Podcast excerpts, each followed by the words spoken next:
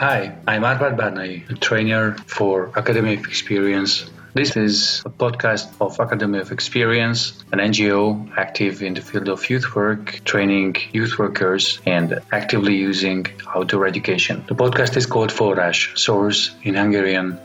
We invite youth workers, trainers, coaches, facilitators, and outdoor professionals the first episode was the first part of the conversation with Lena Conlon from Sweden and US, who is active uh, as an outdoor educator and trainer in wilderness first aid. She works for NOLS and Crossing Latitudes. I think it's really a unique opportunity that uh, you can listen to someone with so much experience. Before we start, I just would like to say that if you haven't listened to the first episode, uh, I really recommend uh, to listen to it because we cover a lot of topics there, and this is the continuation of that.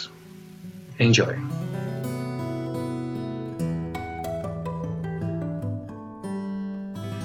You've seen beautiful nature all around the world, and you've seen maybe changes in this. So, is there a change in how we treat nature? Yeah. Now, the first story that comes to mind is that I'm one of the lucky who sea kayaked on Prince William Sound in Alaska before the tremendous oil spill that we had 1989. So uh, uh, Exxon Valdez, a big oil tanker, hit Bligh Reef in Prince William Sound, and millions of gallons of oil um, spread out all over Prince William Sound. NOLS had to cancel all the expeditions that summer because the whole Prince William Sound was a mess. The beaches were full of 10, 20 centimeters deep, thick oil, and animals of all kinds died. Um, so before the oil spill, when we were out on these long expeditions, um, basically every day we would see orcas, killer whales.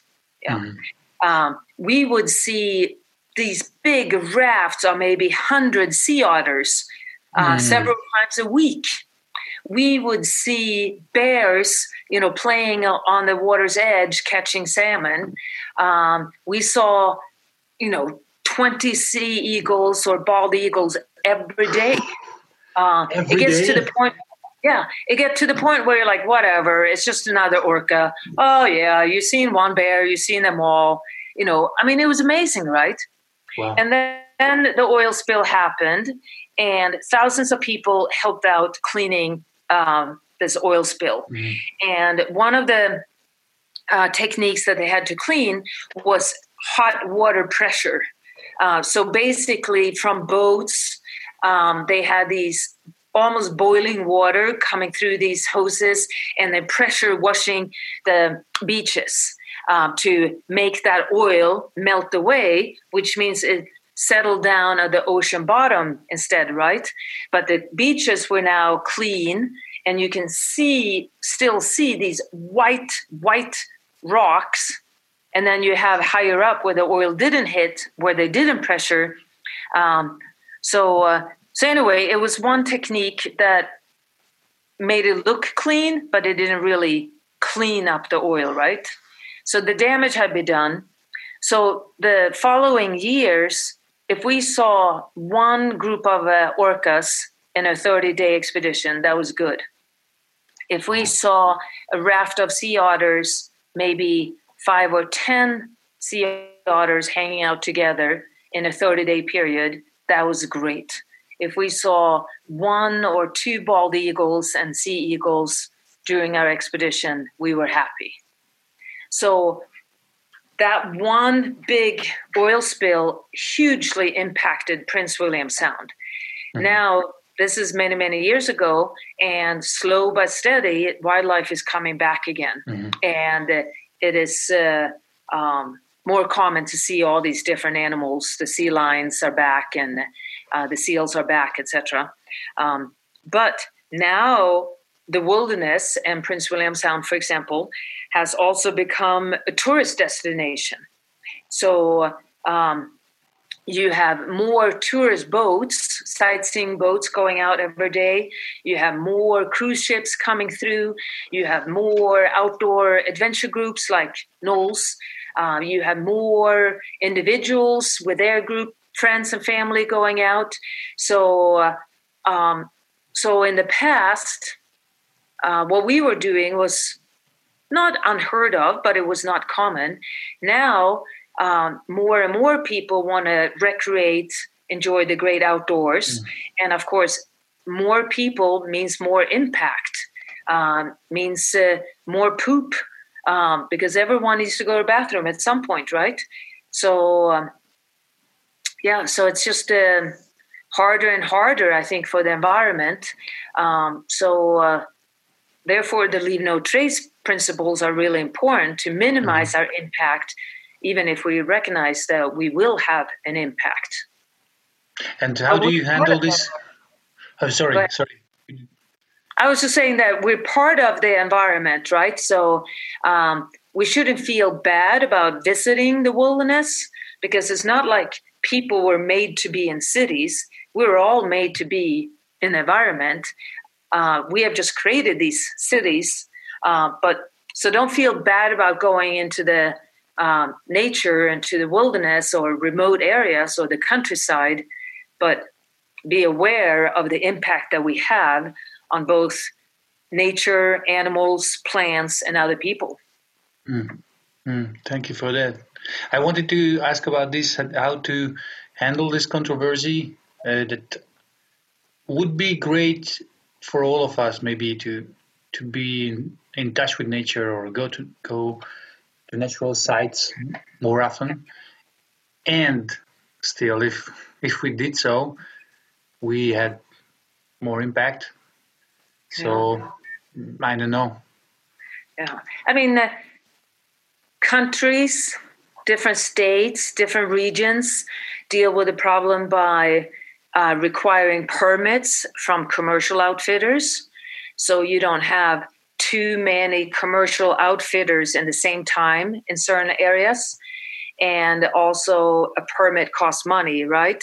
Um, so that money hopefully goes back to restoration of mm-hmm. trails mm-hmm. or um, saving animals or whatever. Um, but with more just individuals going, enjoying public lands, we don't have to pay. We just have to uh, be respectful and mm-hmm. uh, you know make sure for example where i live here in bozeman montana in the us um, right now it's uh, lots of bears outside and bear cubs and the, the deer have their little deer kids fawns and um, um, so having loose dogs on the trail is very stressful for the animals yeah. right Think so this that. is the time mm-hmm. to have a your dog on a leash so so they don't scare the animals who get stressed and then die or the mama bear gets uh, angry and attacks the humans and then that bear has to be shot because they killed or mauled a human. And now we have a few bear cubs that are without their mom and that causes other issues. So we're all connected and uh, our actions have consequences. Oh yeah, this I really like. Thank you for this this this interrelated nature of of being out there, and uh, yeah, talking about wild, wilderness ethics is uh, is not just a fluffy thing, but it talking about uh, real consequences also. Right. Yeah.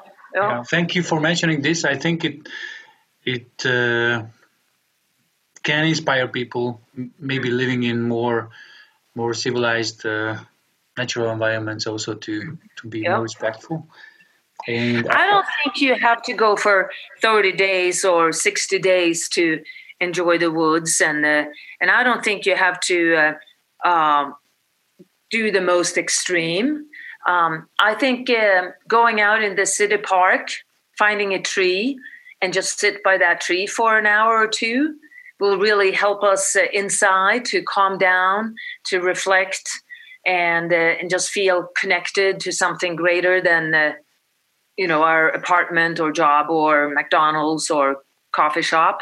Um, but I think um, um, the further away you are from the urban noises um, and uh, everything that's going on, um, then I think it's easier to uh, um, just to find yourself in a way.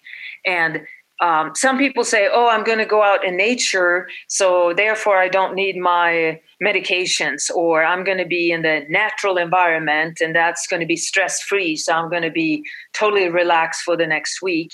Well, if you're not used to um, the great outdoors, um, it's probably going to be more stressful because you're moving from an environment, the city, where you are used to the noises, the stress, the um, mm-hmm. you know whatever pressure you have on you, and then you go out in the woods, and either it's too quiet for your liking, or you hear a branch snap, or you hear or something, yeah. and you're like, oh, what is that? And you get very stressed, and you're like, oh, where am I going to go to the bathroom? Everyone is going to see me. Oh, and then you get stressed yeah. and and oh i think i'm on the wrong trail i think i'm lost and and you sleep poorly at night because you hear sounds and and uh, it's it could be more stressful right so taking it in smaller increments maybe start sitting by the city tree in the park going out for a night with friends um, going out for several nights further away uh, learning the skills so you feeling more and more comfortable in the outdoors. And uh, I mentioned this little talk about people often think, oh, I'm going to be in a natural environment, so therefore I'm not going to bring my medications. One should never stop taking uh, prescription medications or um, whatever you are on when you're home. If you go in the woods, you should bring that stuff with you too. The person yeah. who reacts to uh, pollution in the city and get an asthma attack, they might not recognize that they're also going to react to pollen in the birch forest and have an asthma attack. Mm-hmm, um, mm-hmm. The person who lives with a, a seizure disorder like epilepsy um, and might get seizures because uh, there's a lot of blinking sharp lights back home, um, either in the supermarket or by the computer. Um, the same seizure can be triggered by the sun shining through the trees or the sun hitting the little lake and it's you know we think it's really pretty but it could cause someone to have a seizure seizure yeah so continue with whatever meds one are on in the city is very important when you go out in the woods mm-hmm. Thank you it's really practical for people starting this journey and also i think it's useful to uh, to mention that this incremental, gradual mm-hmm. entering uh, to natural experiences might be also good if you would like to take people mm-hmm. as a guide or as right. anyone who is bringing people out outdoors. Yeah. So think about this. It's yeah. really good. And uh, one question is like, what what is your best hope regarding nature and people? Like, what do you wish for? Like, you've seen a lot. Yeah. Oh, I wish uh, every kid starting in kindergarten, play school, preschool, whatever you call it, would have at least one day a week outside. And uh, that could just be, you know, in the near wood, near little woods next to the school or out in the city park or whatever. I wish for every first grader um, to go on an overnight. It might be to a cabin and they have to walk 200 meters to get to this cabin carrying their own stuff. And uh, then we're going to have a fire outside in the evening and sit along and eat marshmallows and uh, hot dogs. I wish for every second and third grader to have to bike to where they're going to spend a night in the cabin sleeping on the floor. In fourth and fifth and sixth grade, we're going to introduce uh, tents and we're going to carry our own gear and pitch a tent. And then this is going to continue. So in seventh and eighth and ninth grade, you go out for a week every school year and camp out.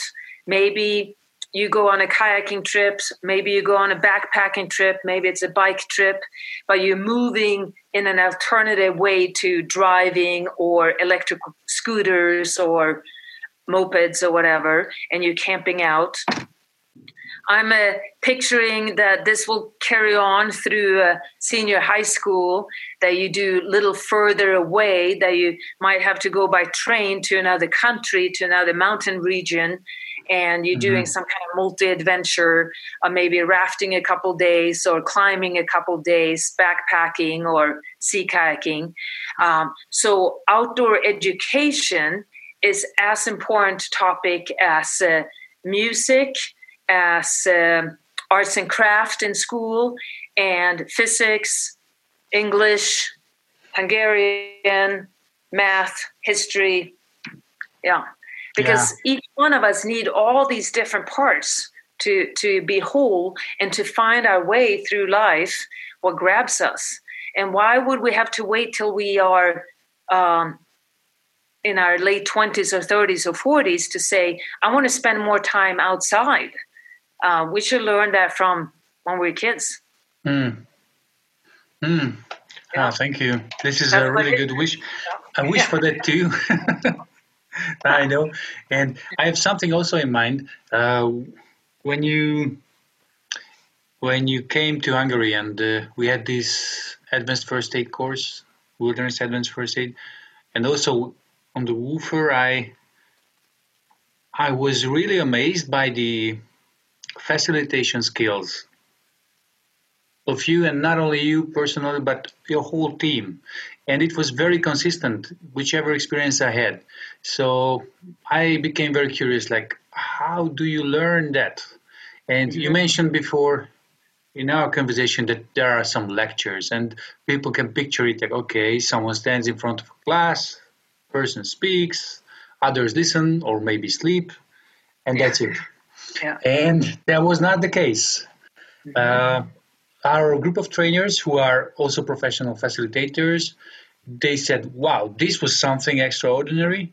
So, could you tell a bit about that part, mm-hmm. like yeah. how, how you train facilitation? Yeah.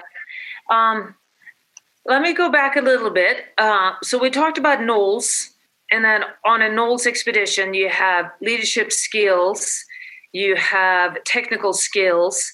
We talked about expedition behavior, leave no trace, outdoor ethics, and now we're coming to wilderness first aid and risk analysis and management. And uh, I think when you take a NOLS uh, instructor course, um, we are both learning all these different uh, skills as experimental uh, we're out there just doing it, but we also listening to classes where we learn about how to teach, um, how to address a group, how to engage people, and um, um, yeah, how to how to teach, I guess. Um, but it's all it's about personality, but it's also about a culture. So NOLS and NOLS Wilderness Medicine has a culture of uh, uh, a particular style um, or uh, what do we call it? Style or um, just way of uh, addressing groups.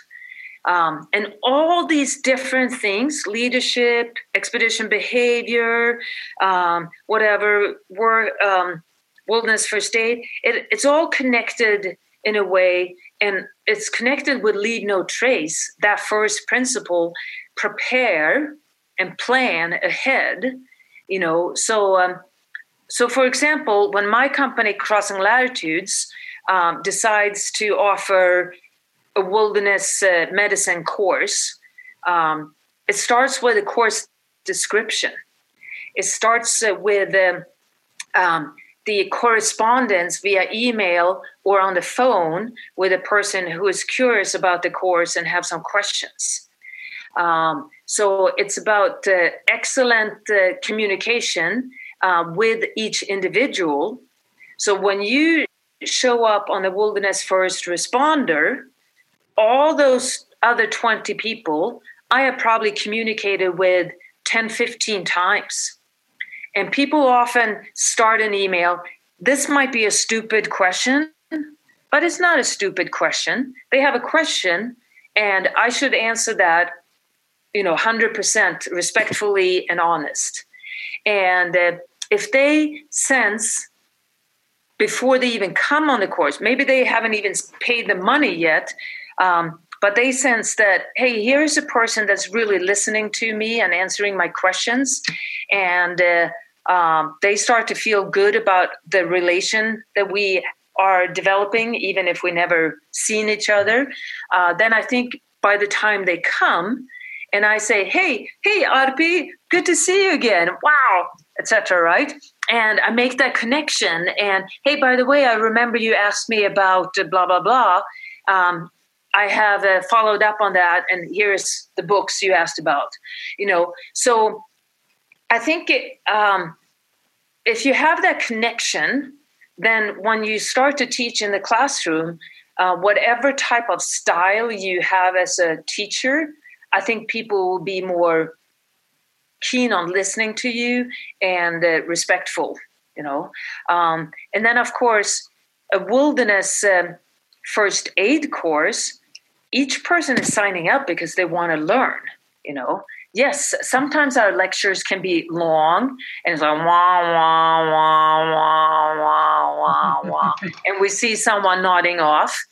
Uh, but I mean, if we're talking about how to stop bleeding, how to take care of someone who's having a seizure, how to take care of someone who just cracked their skull because they fell and hit their head in the rock, I mean, you want to learn that, right? you are paid to come to this course and uh, you're not going to fall asleep and miss how to take care of a friend who just had a spinal cord injury oh yeah yeah and yeah. thanks for the for these uh, great uh, audio uh, um, tools you used here also because you make good use of uh, these uh, I could say drama and improvisation tools also mm-hmm during yeah. the course. So, so yeah. that could be also a lecture where yeah. you right. use drawings and uh, maybe sometimes videos, but mostly showing uh, as a I don't know small theatrical play, like how things look like or how things happen. And I think it, it really sticks with people. Yeah. That I really I really loved that one. I mean, I know that you remember things like when I start to, I can't, I can't breathe. Yeah. And you're to remember those things, right? So when we go out and do a scenario, uh, then you're going to think, oh my gosh, this person is not breathing well. It's like Lena in the classroom. I have to yeah. think, why is this person not breathing well? What's going on? So we connect uh, words and lecture with uh, scenarios and hands-on and experience and it's uh, an ongoing thing um, some organizations that teach um, uh, wilderness first aid for example they do three days of just uh, classes lectures mm-hmm. indoors mm-hmm. and then they might do two days of scenarios where NOLS believe that this ongoing rotation of you know going between the classroom with lectures and demonstrations and going outside for scenarios uh, is very important. Yeah. Yeah. It's, it's... So I I need to also mention that um, in regards to NOLS expeditions, uh, wilderness first aid and risk analysis and management is also one of the big uh, uh, aspects of a NOLS expedition. So we don't teach a full wilderness first aid course or a full risk management course but these are classes that comes in on a regular basis on an expedition uh, and depending on what type of NOLS expedition you're on maybe you will end up with a, a cpr card at the end maybe you will also receive a wilderness first aid certification at the end wow. or if you take a NOLS uh, rescue semester, three months, you end up with a month long wilderness emergency medical technician certification at the end. That's like a basic ambulance uh, driver position. Um, so, um, so of course, uh, first aid um, is really really important. Um, and when I started to work for NOLS, we had no communication device. This is before cell phone times. Uh, a few years into my experience with NOLS, uh, we started to get VHF radios, and mm then we got EPIRBs, emergency position radio indicated beacons, like a spot or inReach. And then we started to carry satellite phones and cell phones, all depending on where we are, right? Um, but we don't re- ever rely on those technical devices. We rely on our experience, our skills, our knowledge, and our training uh, to help that injured or sick person. Um, so, uh, so every NOLS instructor, they have a wilderness first responder. Uh, many uh, instructors, hopefully one in each team, has a wilderness EMT.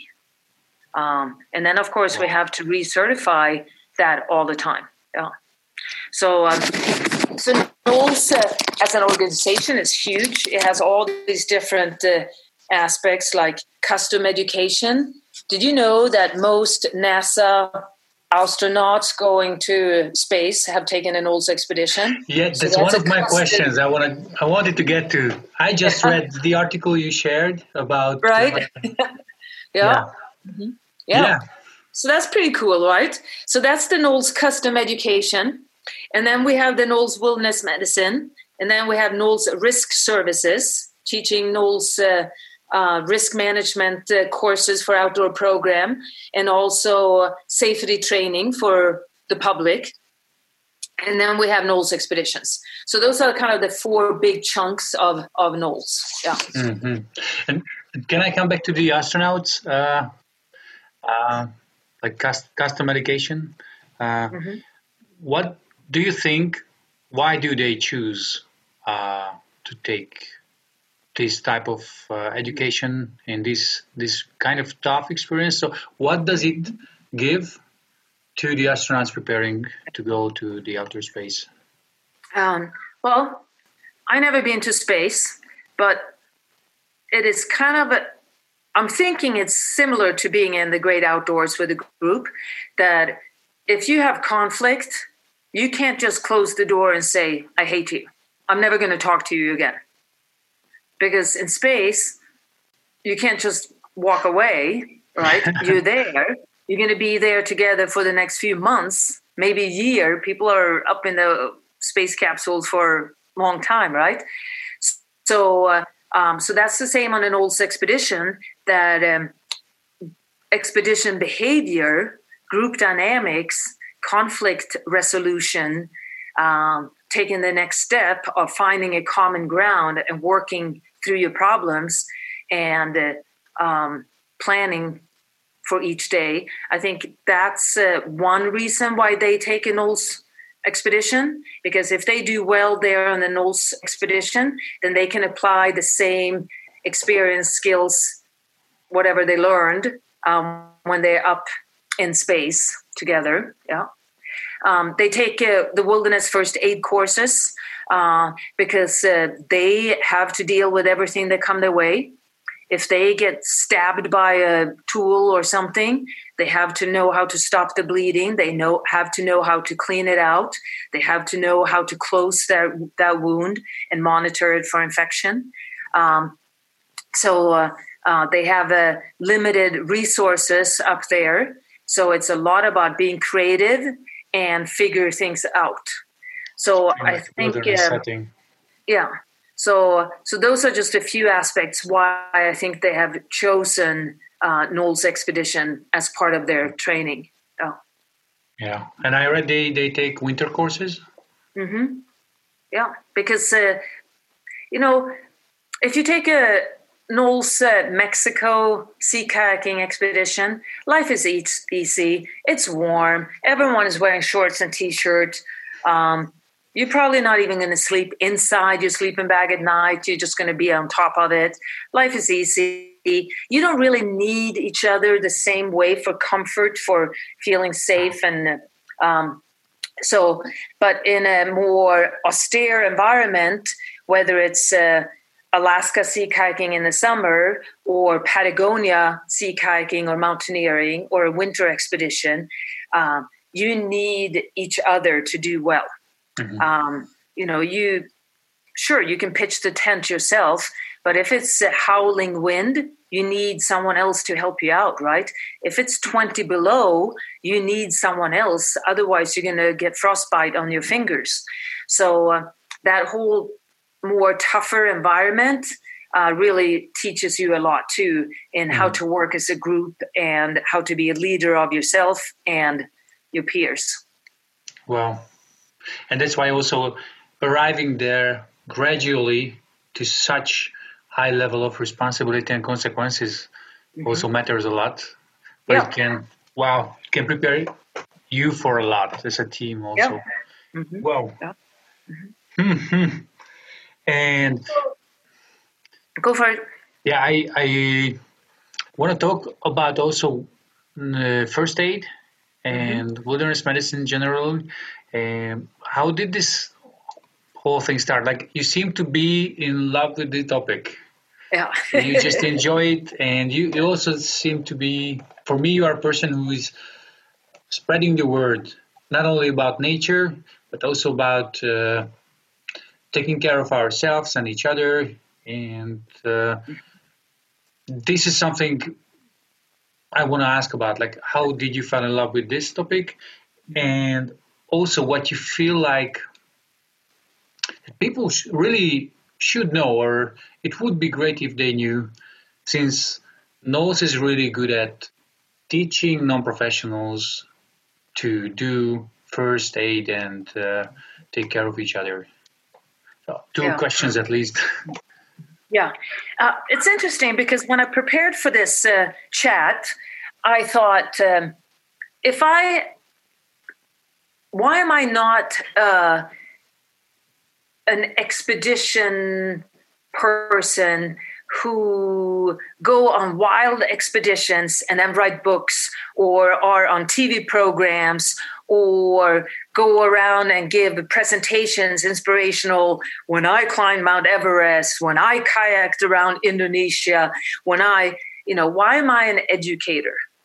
Um, so uh, um, you started this chat with uh, mentioning uh, how many days I spent outdoors. And, and when you put together all the nights I have spent in a tent um, on educational outdoor expeditions, uh, we're close to six years. That's how many nights I spent um, teaching all these 20 day, 30 day, 60 day long expeditions. Six um, years six years. And then we had all the fun trips I've been on just for myself. You know, maybe I go camping uh, next week with some friends for a night or two. You know, I've done, I don't know how many nights I've done that, but I have never really been interested in being the solo adventurer that live off that. I do think those people are needed, and that's their drive. That's what they um, get inspired by and they inspire other people to go into the great outdoors. Um, but I've always been the educator. And maybe that's because of the background and my family and the camp I grew up at. Maybe it's because I'm lucky to have met NOLS um, instructors when I was traveling and climbing in the US.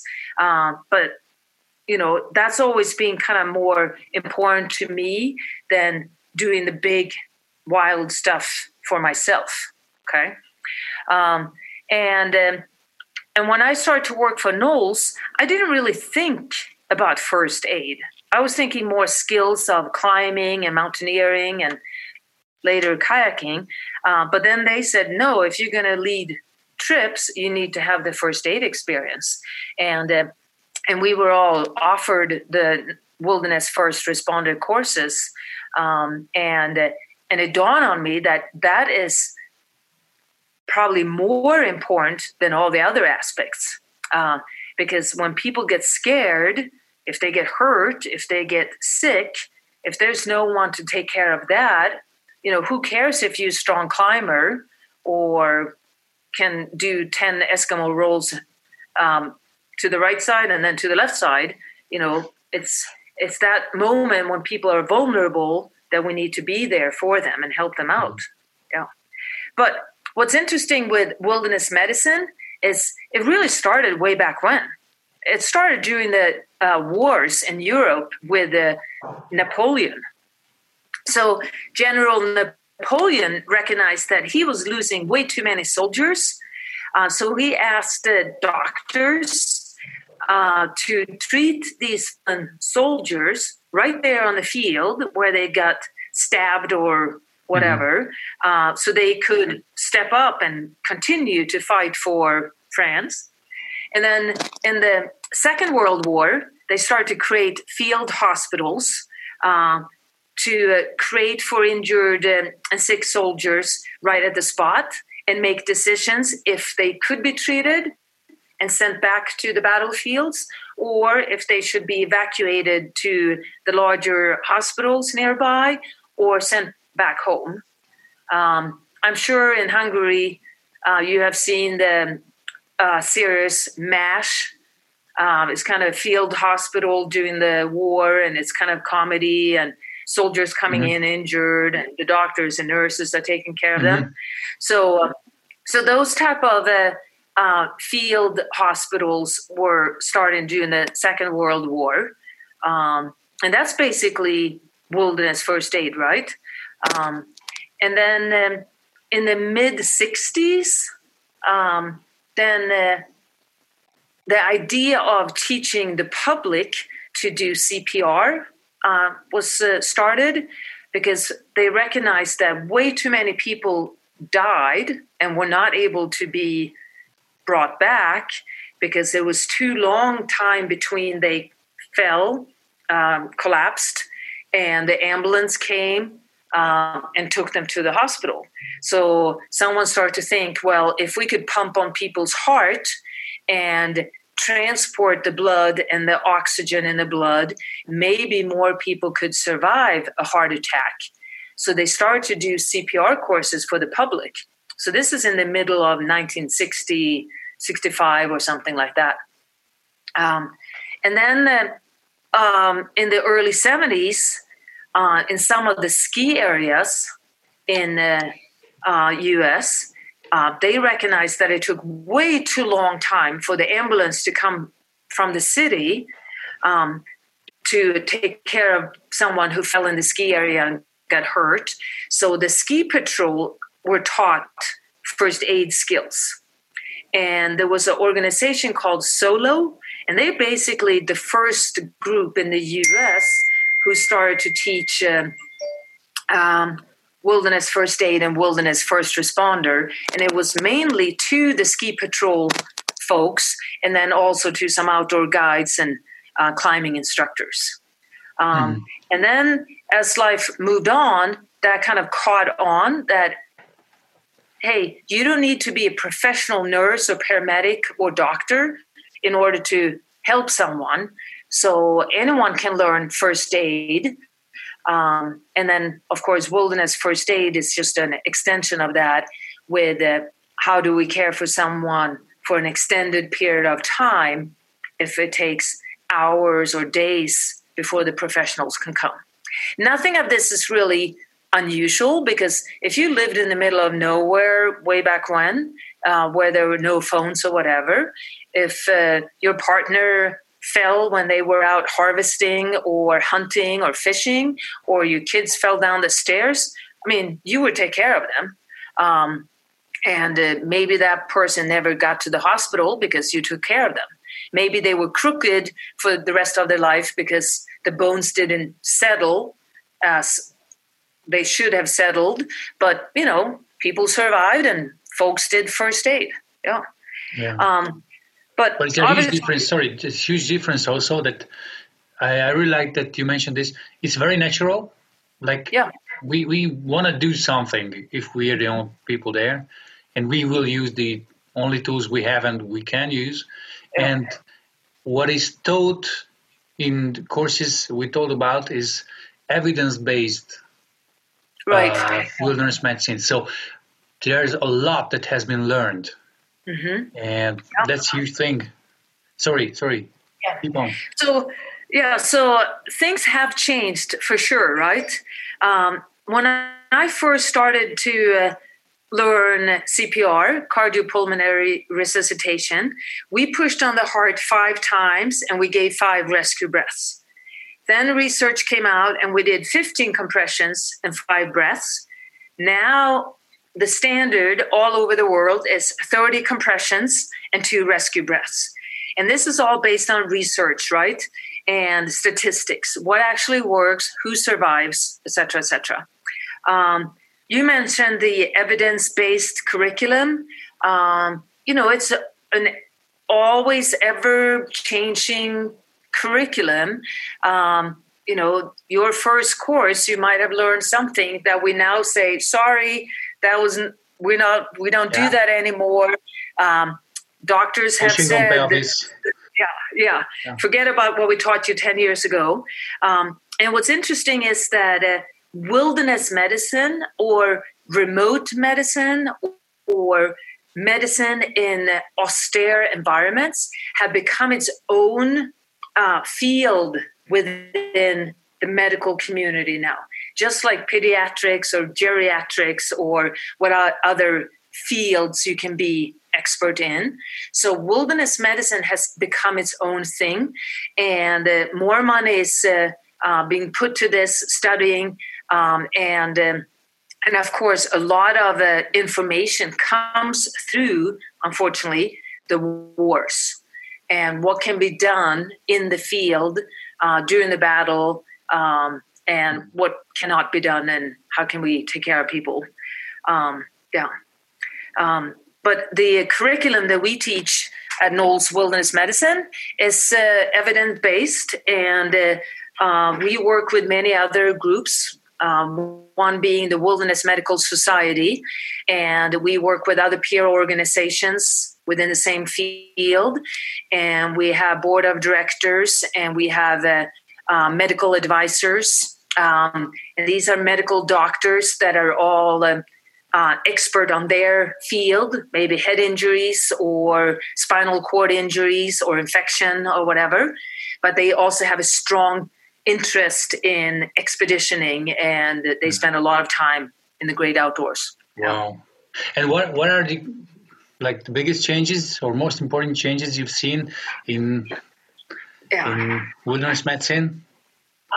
You know, uh, a few things is um, way back when, if someone gets bit by a snake, uh, we recommended that you would cut along that area where the bite marks were, right? And then you would suck. Yeah.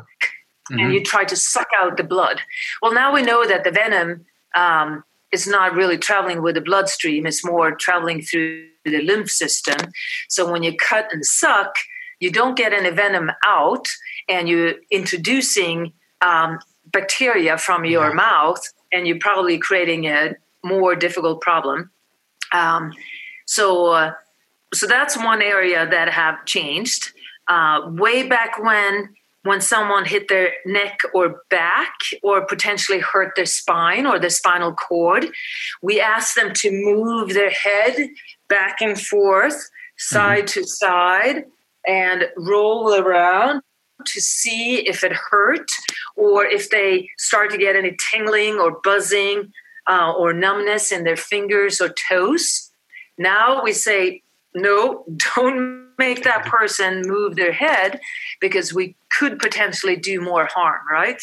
Mm-hmm. Um, way back when, if someone someone was hypothermic, like really really cold, maybe they were lost in the woods for several days with now with no food, no water, and poor clothing, or they had fallen into a, an ice cold lake or they had been buried in snow, like in an avalanche situation. Mm. So they were severe hypothermic.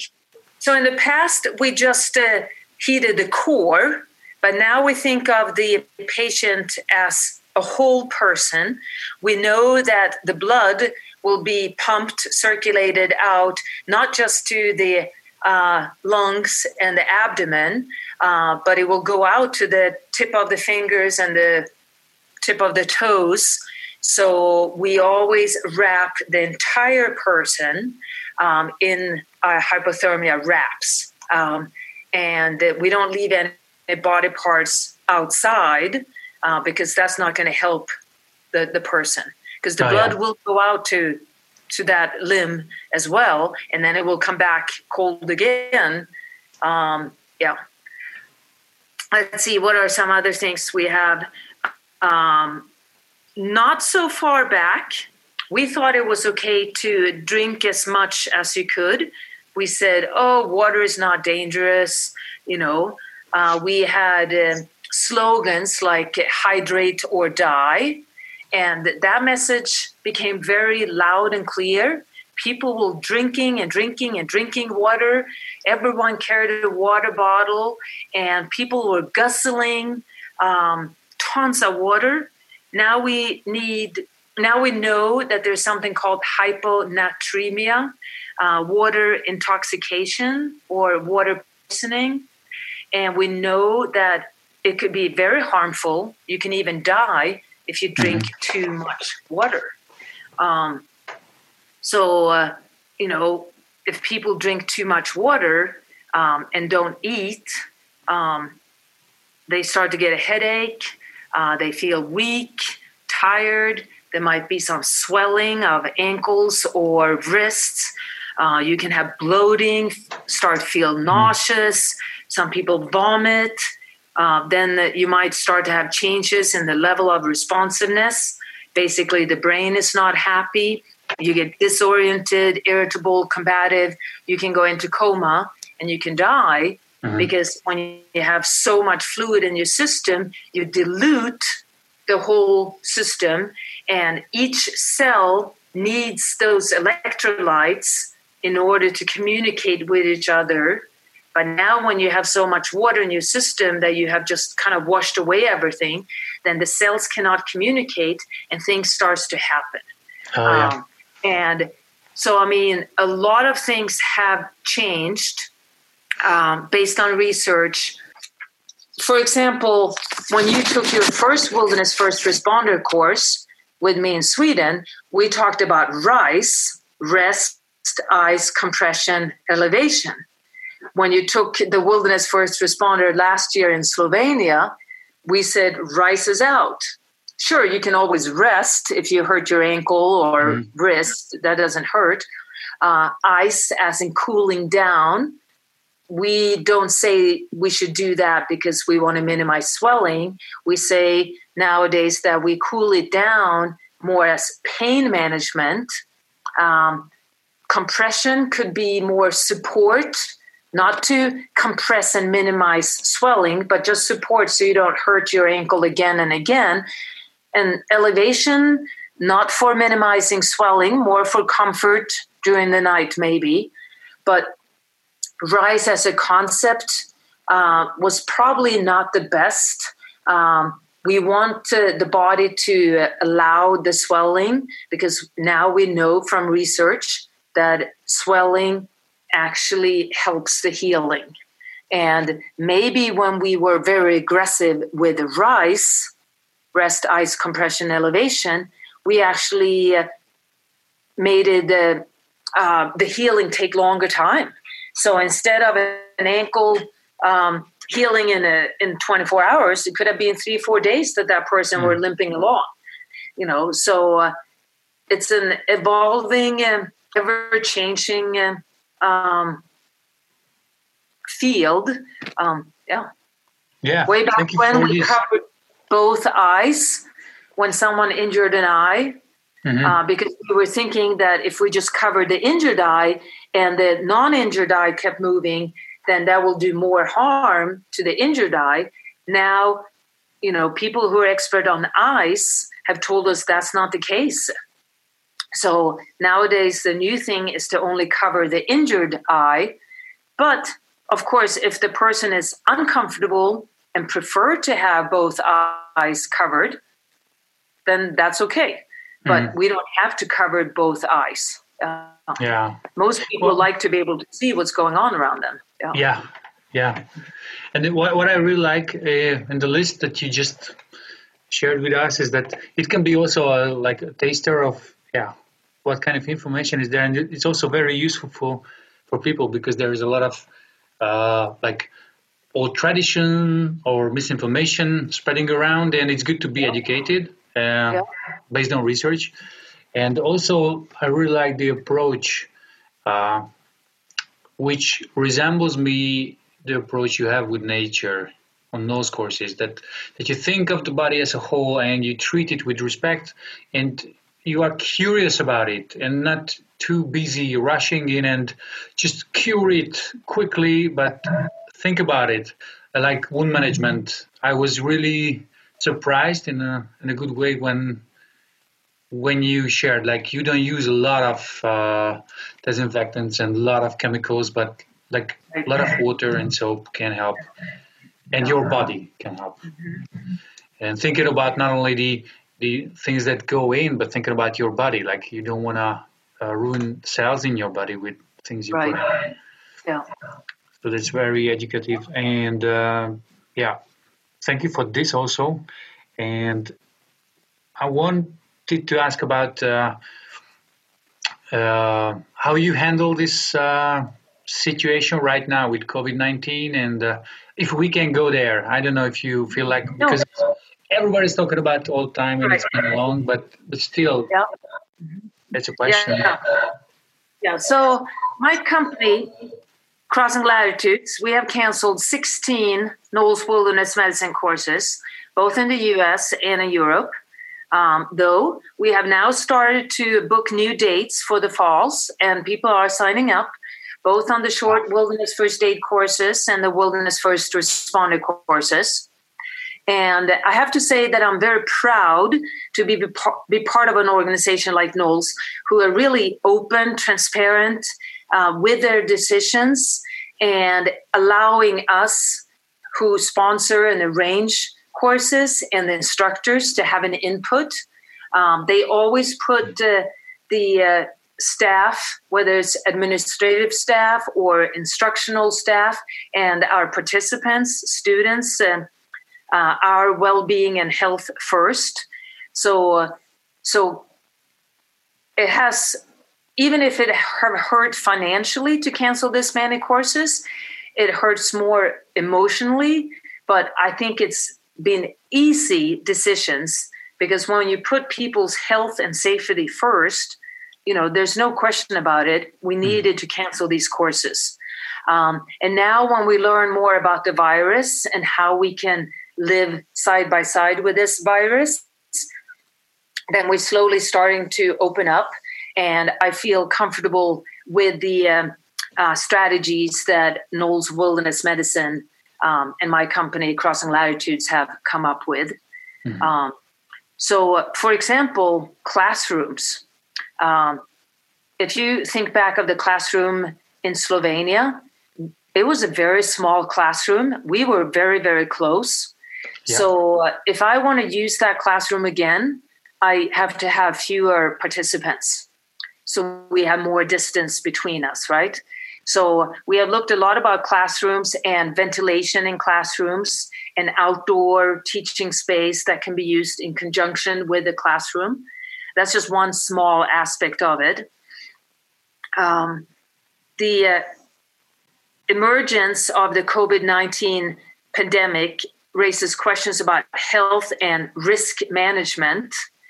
Um, so uh, we want to, to, make sure that each participant are aware of how we are responding to the coronavirus pandemic. So each participant, each student can make informed decisions if this is something they are comfortable with. So, mm-hmm. for example, um, right now, NOLS is creating a little two, three minute long video that people who are interested in taking a course um, need to watch before they sign up. Um, so they can see that this is probably how it's going to look like in your classroom with masks, with gloves. This is how scenarios are going to be. And these are, are some of the strategies that we're going to use to keep you safe and us safe. And if people feel like, nah, I can't do that, that's too much, then they should not come on one of our mm-hmm. courses. If they feel like, yeah, I can buy into this, I sign the paper, then they can come. Yeah. So informed decision. Wow. Yeah, exactly. Yeah, and uh, you know, um, you know, so so NOLS and NOLS Wilderness Medicine and Crossing Latitudes, uh, we're in consultation with federal authorities, with state, with uh, countries we teach in, with local public health experts, with other organizations teaching first aid, with our medical advisors. And of course, this will continue to evolve as we learn more about COVID 19 and how it affects us, right? But close physical contact is part of giving first aid, you know. Yeah. Um, we will continue to interact with each other on our courses. We're going to touch each other uh, when we practice all these skills. Um, we're going to continue to splint each other's legs and arms. We're going to lift each other in different ways. We're going to stop bleeding. Uh, we're going to do the basic life support, CPR. Um, we're going to do all the scenarios because that's mm-hmm. Medicine's core. We're not going to do video first aid courses um, yeah. or webinars. We might uh, give participants more videos to look at to get reminded of what they learned on the course. Um, but we're going to continue to teach the way we always have taught. Um, now, we're also going to educate everyone in how we can reduce the risk of um, infection transmission, of course, right? So we have uh, basically five strategies um, that we are working with, and uh, we expect all our participants to fully adhere to this. And if people can't adhere to these strategies, then we're going to ask them to leave the course because mm-hmm. each instructor and participant, their well being is the most important aspect. Um, so, one strategy is the screening, um, basically daily screening, both um, uh, temperature check. So, we'll have wash stations and more hand sanitizer uh, uh, we're going to really point out to someone, hey, you just touch your face again, or hey, if you need to sneeze, you need to do it in the crook of your elbow or cough in the crook of your elbow. Uh, we're going to wipe down surfaces um, mm-hmm. on a regular basis in our classrooms. Um, so, um, so there will be more focus on on hygiene. Um, we're going to focus even more on the personal protective uh, equipment. Um, so that is uh, we're asking participants to bring uh, protective uh, masks and uh, a cloth mask or a buff, you know, that you you wear double folded or triple folded. Yeah. You know, that will be uh, okay. We NOLS Wilderness Medicine will supply better masks that we're going to ask both participants who play the rescuer and the participant who play the patient to mm-hmm. wear in scenarios. And of course, we'll have gloves for every scenario, new gloves every scenario. Mm-hmm. Um, so, uh, and then we're also going to ask people to bring protective glasses. Mm-hmm. And if eyeglasses or sunglasses is all you have, that's good enough. Or if you have some kind of face glass shield, um, you know, like a carpenter glasses that covers the side, you know, so that's what we're going to do. Much more focus on the protective uh, personal equipment. Yeah. Distancing, we're going to try to be six feet apart in the classroom or at least arm length apart from each other. Um, and uh, uh, whenever we're practicing skills, um, then we're going to ask people to wear the glasses and wear their mask and, and gloves. Mm. Yeah. Um, and then uh, compliance culture is a strategy that we believe in the value of training people to help others and in supporting the best public health practices. So we're going to model um, our commitment and quality medical care uh, and we're going to support these strategies the whole time. Um, because you know we're creating habits right we're creating a culture um, we're going to help each other to remember these practices we're not going to slam someone who forget to put on a mask or the glasses uh, but we're going to remind them and we're going to say that's part of being a medical provider and therefore we do it even if we are doing wilderness first aid um, and then of course we're asking people to stay home if they feel sick or uh, then they should not come to class. Yeah. Um, what's very interesting with all these is that, you know, in the 80s, AIDS, HIV virus taught us to wear gloves. No mm-hmm. one wore gloves before that. So then we learn about bloodborne pathogens. Now, um, in 2020 and COVID 19 coronavirus, we learn about uh, uh, respiratory pathogens, and mask is becoming the, the norm.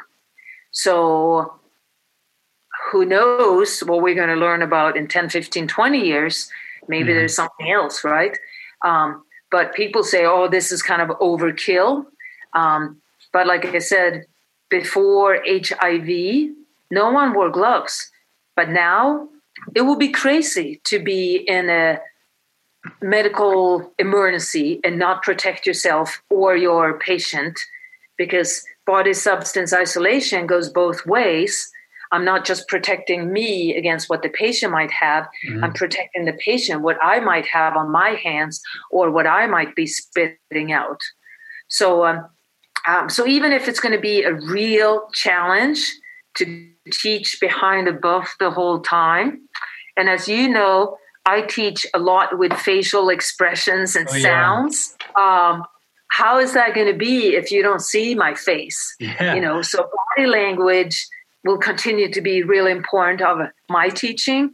And I need to be able to look at people.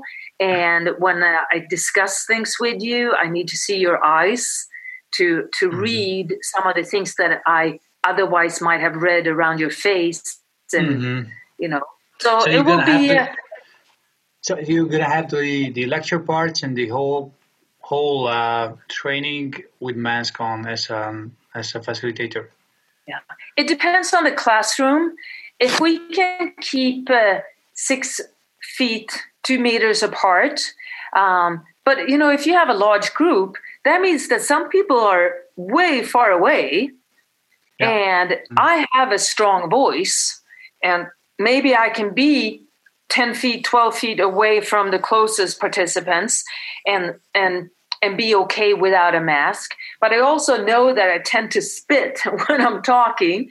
And yeah. that will be the worst thing, right? If the instructor spits in my participants' faces. Um, yeah. So, uh, um, yeah, but we want to at least start out with the courses we have in July, August, September, um, doing the best we can. And then we'll see where the COVID 19 takes us mm-hmm. and how things are going. And, um, and maybe by the time I have a wilderness first responder course in Slovenia or Switzerland, maybe we can ease up on some of these uh, restrictions or guidelines. Mm-hmm. But it's yeah. important that, that that's because of learning on the way and not not because of just okay i'm tired right that was it yeah, yeah. Mm-hmm. that's yeah. not easy to maintain but thank you for mentioning the hiv uh, situation with the gloves because it can be that yeah masks mm-hmm. will be part of uh, first aid kits also yeah exactly yeah, yeah. our NOLS uh, Wilderness Medicine Curriculum Director, Todd Schimmelpfennig, yeah. he said that um, we're training people to g- become healthcare providers. We know that infection control is important. We know that masks, distancing, surface cleaning, and hand washing are powerful in infection control tools. We are going to be better than anyone else, but we're not going to be perfect. We ah. will have interactions with our students. We cannot go into our classrooms expecting that we'll totally mitigate the risk of transmission. because people are going to be close to each other and we will interact with each other. We have to feel comfortable working in that environment, knowing that we're going to be as reasonable, as practical, and as thoughtful at mit- mitigating the risk. But the risk is not going to go away. Yeah. Mm. So that's just like going into the wilderness. You can plan ahead and prepare. You can manage the risk, but accidents will happen.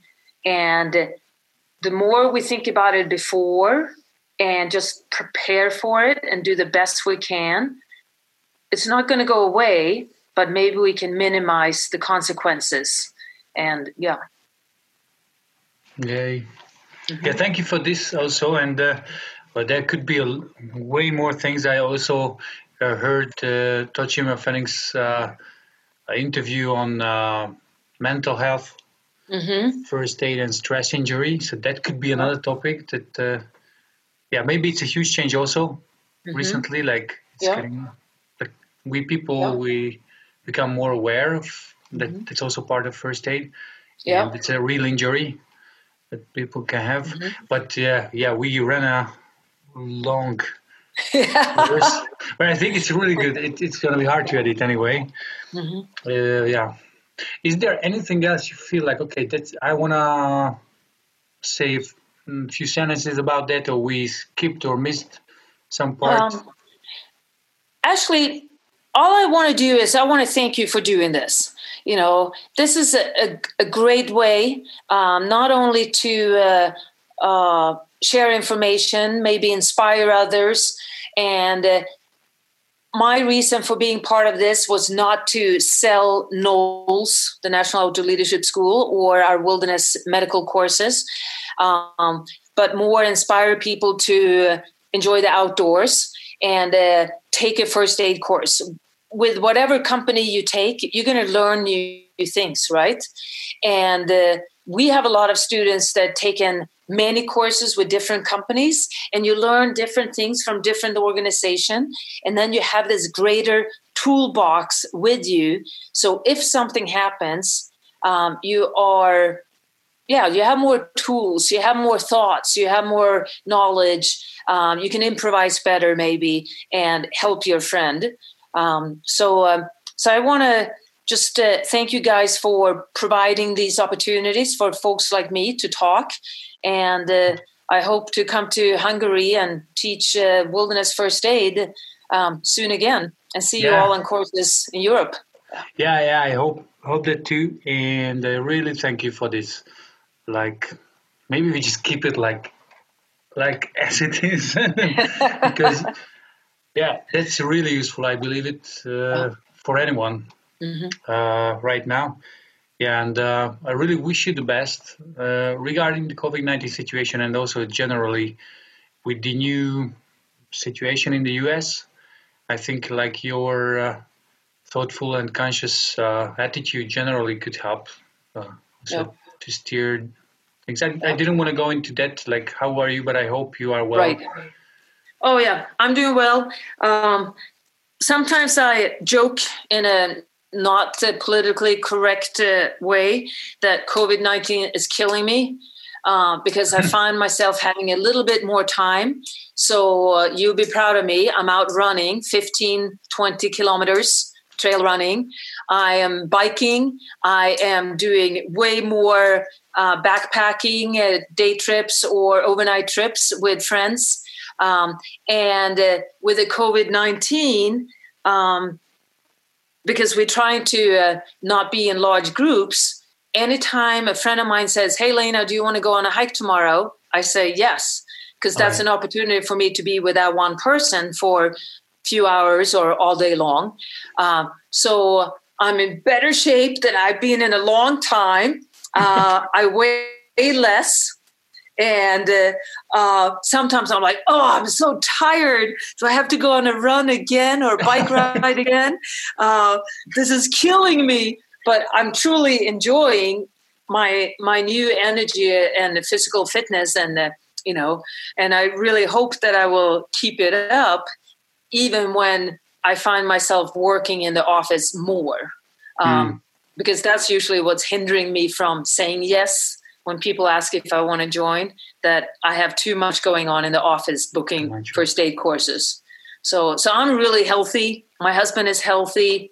Uh, my friend Benjamin here is uh, healthy yeah. as, as, as well. And yeah, for uh, the people who are just listening, uh, Lena has a very nice colleague, uh, skeleton like Benjamin. yeah. yeah. So uh, um, yeah, so we're healthy, but you know it is impacting everyone around us and our life. So we're adjusting to that. Yeah. And we're playing it pretty conservative here. Um, we're not in our 30s or 40s anymore. I'm at the late 50s. My husband is early 60s. So, yeah. Wow. It's, yeah. great to hear that you're yeah. well and you take care. And I really appreciate your time. Really, really thank you for that. And thanks for inviting me, Happy. Take care. Yeah. Thank you very much. Thank you for listening to this episode of the podcast. If you find it useful or inspiring, please follow us on YouTube or Facebook. And if you have a question or you get inspired by a specific part of a podcast, please leave us feedback in the comment section on YouTube or Facebook. We really appreciate your feedback and we would like to create episodes that really serve your needs as learners and as professionals. Thank you for being with us. See you next time.